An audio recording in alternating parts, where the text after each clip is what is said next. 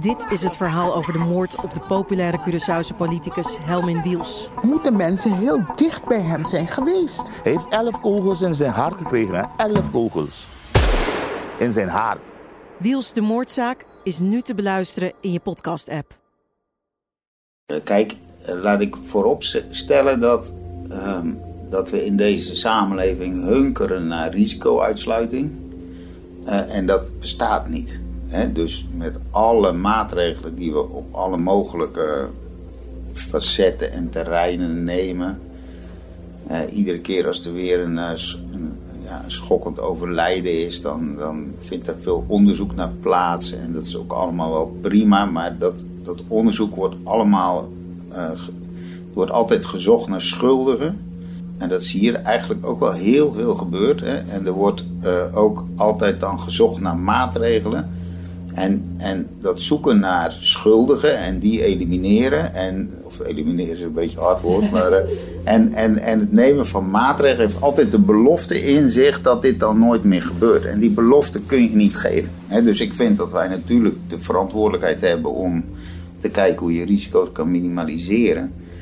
Uh, maar die, die impliciete belofte die er dan ingelegd wordt, en dat, dat zie je in de politiek en ook wel in de media, dat, dat, dat, dat, is, dat is eigenlijk niet terecht. Hè? Dus, dus als je nou zegt, ja, um, hoe heeft dit kunnen gebeuren? Dan zeg ik, ik vind het echt te, te, verschrikkelijk om te zeggen, maar dat kan morgen weer gebeuren. Want als er ergens, zo'n zo, zo Breivik, die komt ook uit het niks. Nee, en, en natuurlijk kan je dan, als je heel lang gaat kijken en om je heen zoeken van, uh, van ja, was er dan niemand die... De, ja, dat is, dat is natuurlijk allemaal uh, achteraf geredeneerd. Als iemand het van tevoren geweten dat dit ging gebeuren en uh, die heeft niks gedaan, dan heb je echt een punt. Hè? Maar dat mensen gezien hebben dat Tristan een bijzondere jongen was, ja, dat hebben heel veel mensen gezien. Hè? Maar of dat je dan ook daarmee natuurlijk maar ooit op het idee komt dat dit daar het gevolg van kan zijn, dat is natuurlijk een heel ander verhaal. Dat geldt ook voor die ouders, dat geldt voor iedereen die hem kent. Mijn naam is Marco, verslaggever bij het AD. En als je mij vraagt wat is nou een zaak die je nooit vergeet, dan moet ik direct denken aan het schietdrama bij winkelcentrum De Ridderhof in Al van der Rijn. Waar Tristan van der Vlis op die zonnige zaterdag 9 april 2011 het vuur opende op niets vermoedende buurtgenoten. Sommige gebeurtenissen zijn niet in woorden te vatten. Dit is zo'n gebeurtenis. Nou, je kijkt naar links toe en je ziet gewoon uh, twee mensen op de grond liggen, beweegloos. Dan, daar zie je een jongeman uh, ja, op je afkomen met een mitrailleur. Met elkaar winkelen op een zonovergoten dag. En dan ineens... Tik, tik, tik, tik, tik. En toen een hele hoop mensen naar binnen rennen, vluchten de, de kruidvat binnen. En uh, die zei van zak, zak, zak naar de grond. Een schietpartij die zijn weerga niet kent. Ik ging naar binnen, rolluik dicht, en zoveel mogelijk dicht. Toen hij voor me liep, uh, moest ik ergens op gaan staan, zodat hij in, ja, in ieder geval niet naar binnen schoot. Daar was ik bang voor uiteraard. Uh, hij loopt mijn winkel voorbij, ik zie hem de huls onder zijn mitrailleur vandaan trekken, weggooien, een nieuwe erin doen. En als schietend gaat hij gewoon verder het winkelcentrum in. Het was een pikzwarte dag. Zoals toenmalig politiechef Jacob van Horen net al zei, drama's als deze helemaal uitsluiten, dat is onmogelijk. Maar na het spreken van zoveel betrokkenen de afgelopen zes maanden, proberen Carla en ik in deze laatste aflevering te kijken of we antwoorden hebben op onze vragen. Zou dit nu weer kunnen gebeuren? Hoe wordt er tegenwoordig omgesprongen met wapenvergunningen? En wanneer word je opgenomen? Is er iets veranderd in de geestelijke gezondheidszorg? Of zou iemand als Tristan nu nog steeds niet gezien worden? Wie had, wanneer, wat moeten doen of kunnen doen om te weten wat dreef Tristan? Wat dreef Tristan? Straks gaan we naar het uitvaartcentrum waar Tristan in het geheim gecremeerd werd. En we hebben antwoorden van de GGZ. Maar eerst de veranderingen bij de politie. Er zitten wel bepaalde elementen in het verhaal die heel leerzaam zijn. We hebben videobeelden van Tristan op de locatie. Niet alleen worden de camerabeelden van het schietdrama in de Ridderhof nog steeds gebruikt als trainingsmateriaal bij opleidingen en horen nabestaanden de namen van slachtoffers veel eerder dan in 2011. Ook het verkrijgen van een wapenvergunning of het verlengen daarvan werkt nu ook echt heel anders. vertelt toenmalig plaatsvervangend korpschef Jacob van Horen. Eigenlijk uh, zie je dat in reactie op 9 april uh, de ministeriële regelingen zijn verscherpt. En dus ook vanuit het departement zijn er allerlei maatregelen genomen. Uh, om de kans op dit soort incidenten te verkleinen. Ehm, en die maatregelen hebben bijvoorbeeld betrekking op het feit dat de screening van verlofhouders uh, verbreed is. Dus dat gaat over meer dingen dan voor die tijd. Uh, zo kijken we nu bijvoorbeeld veel nadrukkelijker mee of ehm, psychologische problematiek, psychiatrische problematiek of sociale problematiek uh, aanleiding kunnen zijn voor nou ja, twijfel aan de betrouwbaarheid van een verlofhouder. Het is ook zo dat verlofhouders tegenwoordig referenten moeten aanreiken. Dus als wij maar enigszins uh, vermoeden hebben dat dat uh, gewenst is, of sowieso, dan nemen we contact op met die referent en dan vragen we om een beschrijving te geven van die persoon. Ehm, en ook zelf hebben we procedures aangescherpt. Hè? Dus ehm, tegenwoordig hanteren we altijd het vier ogen principe. Dat betekent dat er twee collega's betrokken zijn bij een aanvraag. Maar wat ook gebeurt is bijvoorbeeld dat, is dat wij nu, als er sprake is van een verplichte opname in een psychiatrisch ziekenhuis, de zogenaamde BOPZ, krijgen wij daar automatisch melding van. En die meldingen screenen wij ook op onze verlofhouders. Dus als wij aanwijzingen hebben van achterliggende problematiek van welke aard dan ook, dan uh, onderzoeken we dat. En dan zou dat heel goed aanleiding kunnen zijn om een verlof uh, te weigeren uh, of een verlof in te trekken. En wat daarbij ook relevant is, dat is dat ehm, ja, bij welke twijfel ehm, trek je nou een verlof in of verleen je geen verlof. Nou, dat de, de, het criterium voor die, voor, voor die maatstaf van twijfel, dat is echt enorm uh, klein gemaakt. Hè. Dus, dus bij, bij, bij hele geringe twijfel besluiten we al om niet tot verlofverlening over te gaan. En er is nog meer veranderd, ook binnen de GGZ. Uiteindelijk wil voorzitter Jacobine Geel ons te woord staan. Ze vertelt dat er inmiddels wel degelijk andere afwegingen worden gemaakt.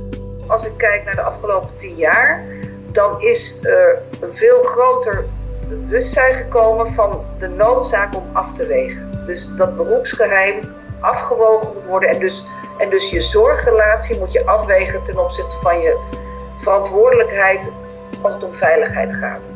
En, en, en daarin is, uh, is, is niet feitelijk iets veranderd, maar wel in het gesprek en in de beweging en in het bewustzijn, ook in de sector. En betekent dat dan concreet dat uh, uh, hulpverleners eerder geneigd zijn om aan de bel te trekken? ja, ik denk dat dat in de, als je het heel erg afpelt, dat dat, het, dat, dat betekent, ja. En er is meer structuur. Geregeld sinds 2020 in de wet verplichte GGZ. En wat daar uh, denk ik goed aan is, want, want uh, er is natuurlijk ook wel vaak de klacht vanuit de politie van we, we, kunnen elkaar niet bereiken of er is niet een regulier uh, gestructureerd gesprek met elkaar. In de wet verplichte GGZ is geregeld dat er verplicht één keer in de drie maanden minimaal regionaal overleg is. En daar zitten dan het college van BMW zit daarin, officieren van justitie, de genezen directeuren, dus dat is de zorg, maar ook de politie en eventueel andere partijen die relevant zijn in die keten. Dus dat gestructureerde overleg over natuurlijk mensen waar misschien een zeker gevaarsrisico is, dat is er sinds de wet verplichte GGZ. En ook wij kunnen ons melden bij de GGZ, als we ons bijvoorbeeld zorgen maken om iemand. Vorig jaar oktober is er een meldpunt geopend uh, voor mensen die zich zorgen maken over iemand in zijn of haar omgeving die gedrag vertoont wat misschien, nou ja, voor de persoon zelf of voor zijn directe omgeving ingewikkeld is, een beetje uit de pas loopt. Dat meldpunt dat is, dat is landelijk, maar dat schakelt terug naar de stad of de wijk of de regio waar iemand zich uh, bevindt. Uh, en dat signaleert dan bijvoorbeeld een wijkteam of hè, want gemeentes zijn natuurlijk de partij die over de bemoeizorg gaan. Dus die kunnen dan in actie komen. Dus dat is niet voor acute zorg, maar dat is wel om af te vangen dat iemand uiteindelijk ontspoort en weer een melding wordt in een politiedossier. Ja, en mag ik hier een vergelijking... Dus je mag hopen dat dit op termijn natuurlijk tot minder meldingen Ja. leidt. En tot betere zorg, meer op tijd voor de mensen om wie het gaat. Ja, nou ja, dat doet een beetje denken aan het meldpunt huiselijk geweld en kindermishandeling. Dat is er nu dus ook voor verwarde personen. Iets vergelijkbaars, ja, ik zal even de precieze naam, want dat is misschien wel goed. Het is het meldpunt zorgwekkend gedrag. Oké. En het is er vanaf oktober vorig jaar. Er is dus wel degelijk wat veranderd.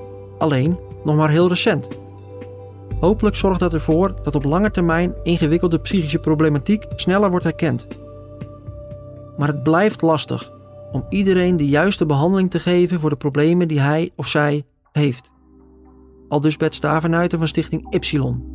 Eh, we zijn heel goed om te zeggen van, oh, jij hebt ook last van, eh, van eh, aan- aandoening A, daar hebben we een behandeling voor. Oh, en jij hebt aandoening B, daar hebben we ook een behandeling voor. Maar als je een combinatie van die twee hebt, of, of iets wat er tussenin zit, dan hebben we daar niks voor. En dan zegt dus de, de, het ziekenhuis dat dat goed is in behandeling A, die zegt van nee, sorry, maar jij hebt behandeling B nodig, dus die kunnen wij leveren. En dat zegt eh, ziekenhuis B weer van, van, eh, van, van A. Ehm, eh, dus dan gaat het bijvoorbeeld als je een combinatie hebt van psychose en verslaafd bent. Of je hebt een combinatie van psychose en autisme. Of psychose en een licht verstandelijk beperking. Of nou verzin het al maar. Psychose met, met een onderliggend trauma. Nou, al dat soort dingen. Eh, daar, hebben we in Nederland het- eigenlijk nauwelijks de capaciteit voor om dat op een goede manier te doen. We vinden het allemaal prima eh, dat, dat mensen met een depressie worden behandeld. Heel veel mensen depressief. En daar hebben we een, keurig een, oplossing voor bedacht hoe die er moeten. En als er mensen nog niet een depressie hebben, maar een burn-out, dan zeggen wij, dan noemen we het gewoon depressie, want dan kunnen we jou op dezelfde manier behandelen. Eh, maar de ingewikkelde gevallen, eh, daar hebben we gewoon te weinig capaciteit voor. Eh, want die geven we aan de gemakkelijkere gevallen, als ik het eh, cru mag uitdrukken. Dus we zijn heel goed in staat om lichte gevallen, mensen met lichte problemen te behandelen. eh, en komen onvoldoende toe aan de mensen die complexe problemen hebben. En complexe problemen betekent dat je er meer hulpverlening op zou moeten zetten. Zij krijgen vaak minder hulpverlening. De oplossing is niet om het hele zorgsysteem op de schop te gooien, maar zit hem toch vooral in zo vroeg mogelijk aan de bel trekken. Om te zorgen dat complexe problemen niet verder ontwikkelen. Eh, en eh, dat was voor de maatschappij beter geweest als eh, dat zo was gegaan. Dat was voor de ouders van Tristan beter geweest. En natuurlijk in de eerste plaats voor Tristan zelf. Stavenuiten benadrukt nogmaals het sociale vangnet en wat wij zelf kunnen doen voor een ander. Dat is denk ik de normale houding die je hebt als, als omgeving. Dat je probeert ja, op de een of andere manier op iemand te letten en iemand in bescherming te nemen. En, en eh, over het algemeen is dat ook, ook heel fijn eh, dat we dat doen voor elkaar.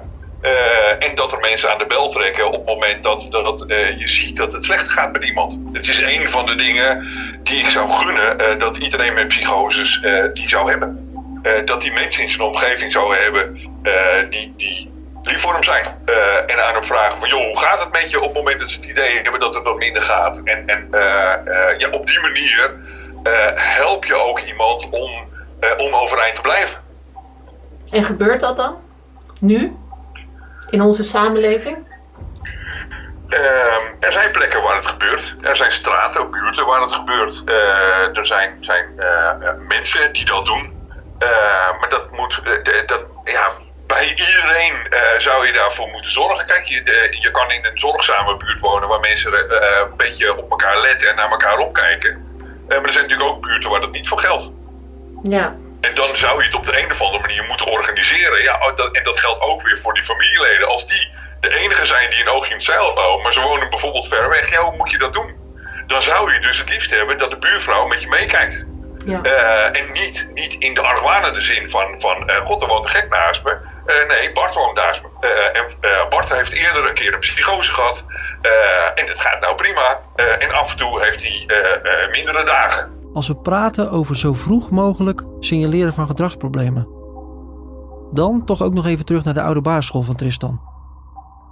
Eerder al hoorde je dat ze zich rotschrokken toen ze hoorden dat een oud leerling van de school het vreselijke bloedbad had aangericht.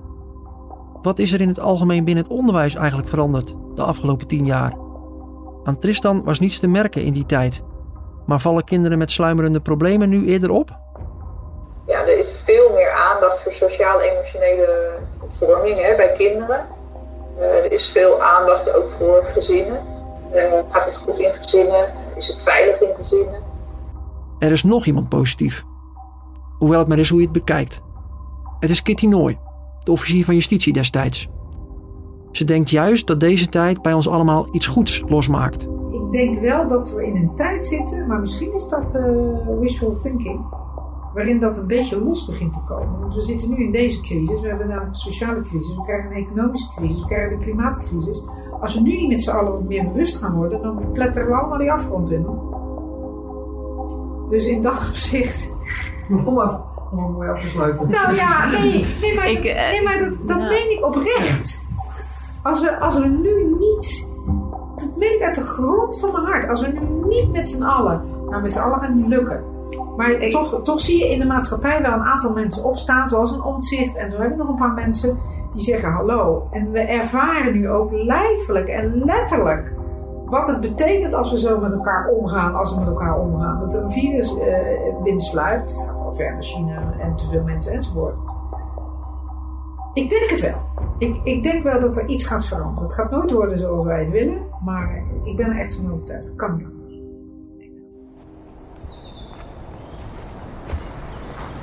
Ze zijn hier uh, zijn ze aangekomen, hè? Met, met allerlei politiemensen, hè? Hebben ze dat beveiligd? Niemand heeft ons echt precies willen vertellen hoeveel beveiliging er nou was. Nee, maar zeker is dat het er heel veel zijn geweest. Want je had familieregisseurs die betrokken waren. Die tussen de mensen in stonden eigenlijk als nou ja, gewone bezoekers. En er waren zichtbare beveiligers. Echt wel, omdat ze echt bang waren dat er iets zou gebeuren hier. Toen die begrafenis plaatsvond, was er nog die maatschappelijke verontwaardiging. En best wel angst dat dat verstoord zou worden door, wel, door wat dan ook. Waren heel boos. Dus daarom is daar beveiliging omheen. Uh, dat, is niet, dat is niet de erg zichtbare beveiliging, die zie, je, die zie je niet. Maar het wordt wel allemaal opgetuigd, ja.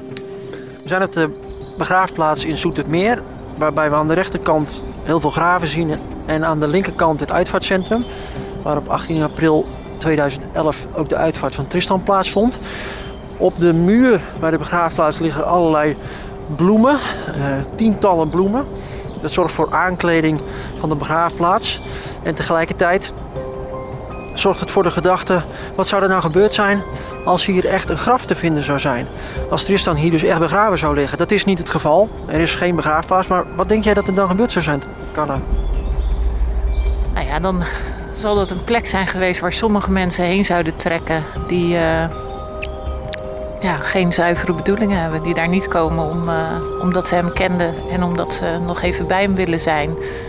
Hij, dat was natuurlijk, als je pech had, een soort uh, bedevaartsoord voor getroubleerde mensen geworden. En dat is nou precies wat waarschijnlijk geprobeerd is om te voorkomen en wat voorkomen is. En daarom is er ook hier nergens een urn te vinden waarbij de resten van Tristan tot een soort bedevaartsplek verheven zouden kunnen worden. hij is hier gewoon niet te vinden. Alleen de uitvaart heeft hier plaatsgevonden en vervolgens zijn alle resten meegenomen. Voor ons is dit, natuurlijk ook een eigenlijk vrij natuurlijke plek om aan het eind van een maandenlange zoektocht conclusies te trekken, om dingen op een rij te zetten, om met elkaar in gesprek te gaan over wat we nou eigenlijk geleerd en ontdekt hebben afgelopen maanden. En toen ik hier aan kwam rijden, ging ik de borden volgen van Snow World, want het is hier echt heel dicht bij Snow World. Je ziet hier naast het uitvaartcentrum de schans, de skischans van Snowworld liggen. En toen moest ik toch wel heel erg terugdenken aan het verhaal van die klasgenoot die vertelde dat op het moment dat ze op een klasseuitje waren en Tristan achter in de auto zat, dat de moeder vroeg: Tristan, wat wil jij eigenlijk later worden? En dat hij toen zei: scherpschutter. Ja, als je dan je bedenkt dat je nu in Zoetermeer naast het uitvaartcentrum staat.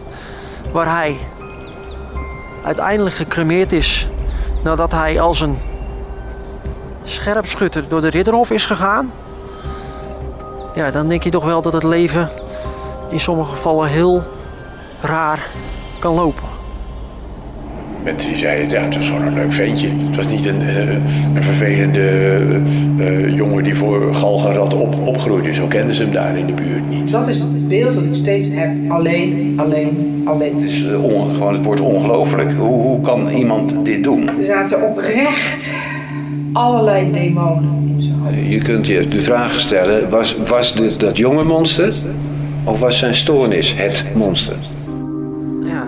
Is hier heel veel verdriet bij elkaar gekomen. Je kunt je niet voorstellen hoeveel pijn hier wat dat betreft samen is gekomen. En ja, je kunt je misschien wel voorstellen, of beter voorstellen na onze maandenlange zoektocht, dat hier ook gewoon ruimte moest zijn om goede kanten van Tristan aan te wijzen, te benoemen. Eh, kijk, ieder mens heeft ook goede kanten. Mooie jaren. Ieder mens is geboren als klein babytje. En, en, en kroop rond in een luiertje tot vermaak van papa en mama. En er werden fotootjes gemaakt. Eh, dus er zijn ook geweldig mooie tijden met die jongen geweest. En eh, hij had ook zijn unieke kanten. En, en zo. En daar was wel ruimte voor. Gelukkig wel. Want anders zou het wel heel erg... eh, kijk, de moeder vertelt hoe gek ze was op de zoon. En, en hoe dat, hoe dat allemaal veranderde en zo. Dus die, je hoort wel wat dingen. Natuurlijk is dat zeer beperkt. Want je hebt zo'n uitvaart is, maar, is ook maar een moment. Dus je kunt niet alles vertellen. Maar er was ruimte voor het benoemen. Zo noem ik het dan maar. Ook van de goede kant. En dat is ook noodzakelijk. Want anders is de balans helemaal eh, eh, weg. In hoe je eh, ja, eigenlijk de laatste eer aan iemand geeft.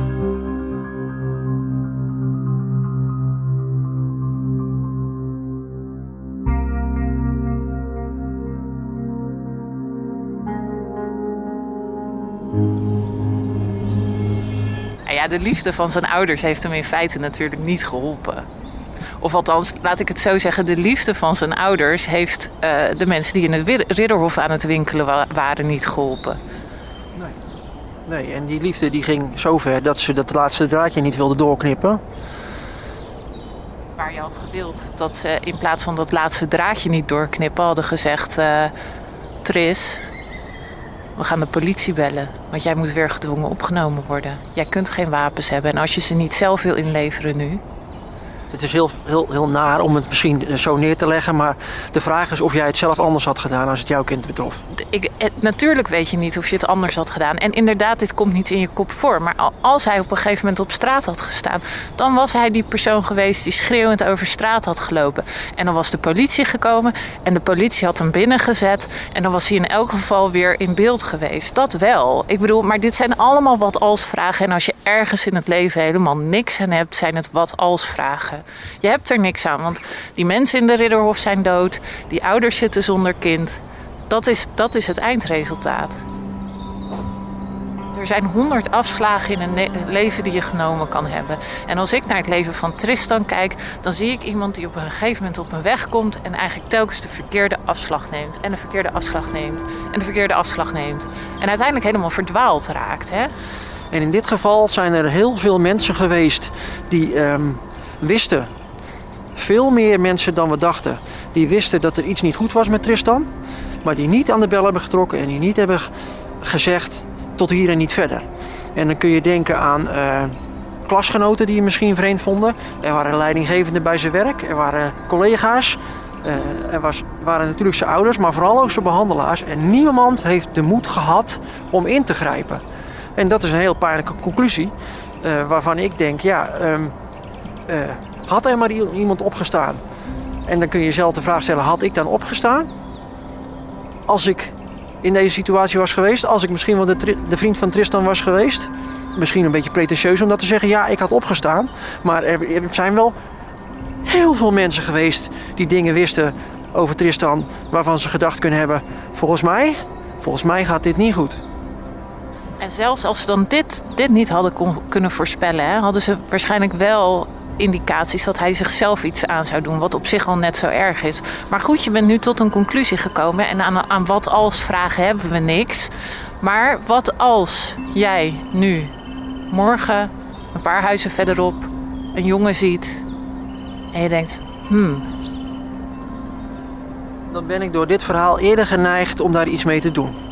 Dat is toch nu uiteindelijk wel wat we willen bereiken met dit verhaal. We willen toch laten zien aan mensen, weet je wel, dat er geen zwart-wit is. Er is niet, er, er, er is niet een, uh, uh, altijd een rechte lijn naar oorzaak en gevolg. Uh, er, er, zijn heel veel grijstinten en er zijn heel veel momenten en er zijn heel veel dingen die er gebeuren waarvan je allemaal het verloop niet kan voorspellen. En dan willen we toch uiteindelijk dat mensen door, door dit verhaal misschien toch een zetje inderdaad vinden waardoor ze dat snappen. En, en, en wat een verschil had het kunnen maken misschien als er. Als er Kijk, kijk, dat weten we niet. Maar wat een verschil hadden we, had het kunnen maken als er een behandelaar was geweest die had gezegd: Tristan, jij gaat niet weg. Jij blijft hier komen in dit kantoor. Ik noem maar wat. En daar is moed voor nodig. Daar is veel moed voor nodig. En dat is geen eenvoudige stap. Maar misschien kunnen we ervoor zorgen dat die stap voor mensen wat minder moeilijk is dan dat die was voor dit verhaal. Als je natuurlijk kijkt naar dat we in een materialistische samenleving uh, leven, dan is het ook een, een, een, een, individuele samenleving. En ik blijf dan toch die flat voor me zien met één woningje waarin ze tien jaar lang geworsteld hebben, waar het veertien jaar lang goed ging, tien jaar lang slecht gegaan is en nu tien jaar lang iemand dood is en gemist wordt. Wat we er in ieder geval van kunnen leren, is dat sommige mensen hulp nodig hebben, ook al vragen ze er misschien niet om. Weet je, het leven is uiteindelijk geen reis van A naar B en hup. En je gaat, je gaat er een beetje doorheen en dan is het geweest. Weet je wel, dit is het voorbeeld van. Nou ja, en van, van alle wendingen die er kunnen zijn. En uh, ja, dat is, dit is het extreemste voorbeeld. Hè? Maar het extreemste voorbeeld denkbaar is misschien wel het voorbeeld waar we het meeste van kunnen leren.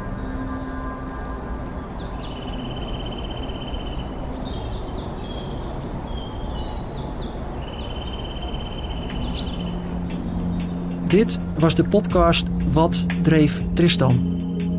Een podcast van Carla van der Wal en ik, Marco Gerling, voor het AD. Regie en montage, Sander de Heer. Eindredactie, Peter Groenendijk. Speciale dank is er voor iedereen die mee wilde werken en voor ons tien jaar later herinneringen op wilde halen. Zit je na het luisteren van deze podcast zelf met depressieve gevoelens? Zoek dan hulp. Praten over zelfdoding kan anoniem. Chat via 113.nl of bel gratis 0800 0113. Wat dreef Tristan is een podcast van het AD. Meer podcasts? Ga naar www.ad.nl/podcast.